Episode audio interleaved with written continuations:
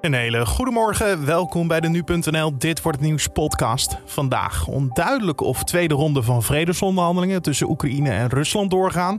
OPEC-landen komen samen met Rusland en bespreken olieproductie tijdens spanningen rondom de oorlog. En alle kerken in Nederland luiden de klokken vanwege Oekraïne. Dat zo, eerst korte nieuws van nu. Mijn naam is Carne van der Brink en het is vandaag woensdag 2 maart.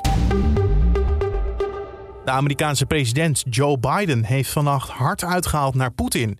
In zijn eerste State of the Union ging het veel over de oorlog in Oekraïne. Zo kondigde Biden in zijn toespraak aan dat het Amerikaanse luchtruim gesloten wordt voor Russische vliegtuigen. Hij noemde Poetin ook een dictator. A Russian dictator invading a foreign country has cost around the world.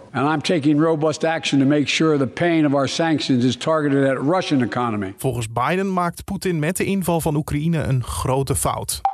Apple stopt vanwege de oorlog in Oekraïne per direct met de verkoop van zijn producten in Rusland. Ook worden Apple Pay en andere diensten beperkt in Rusland. In een reactie zegt het bedrijf dat ze bezorgd zijn en dat ze aan de kant staan van alle mensen die lijden door het geweld.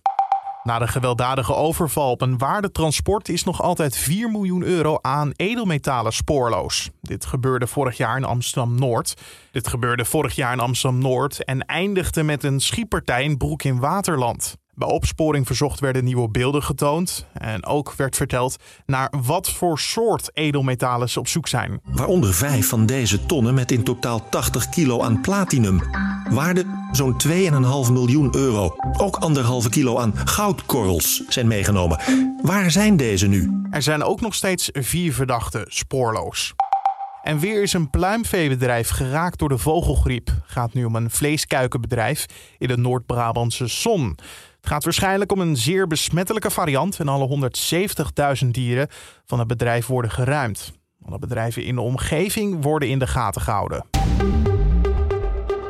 Dan over naar de agenda van vandaag, oftewel dit wordt het nieuws. Oekraïne en Rusland zouden mogelijk vandaag de tweede ronde van de vredesonderhandelingen houden. Maar na alle bombardementen van de afgelopen dagen is dat nog onzeker. De eerste ronde werd maandag gehouden bij de grens van Belarus. En het zijn de eerste onderhandelingen tussen de twee landen sinds het begin van de Russische invasie.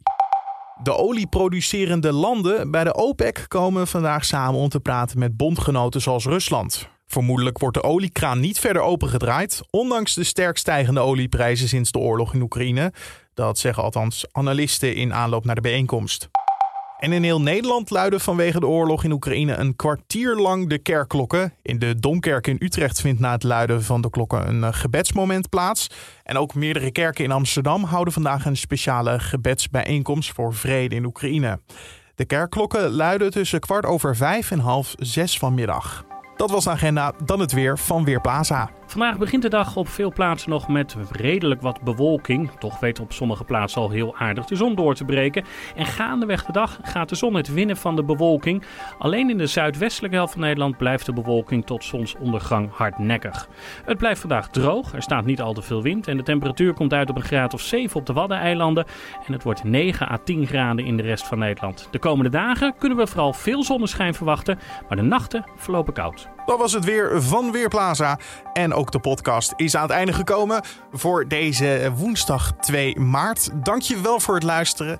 Uh, morgen zijn we er weer om 6 uur ochtends op de voorpagina van nu.nl en in je favoriete podcast app.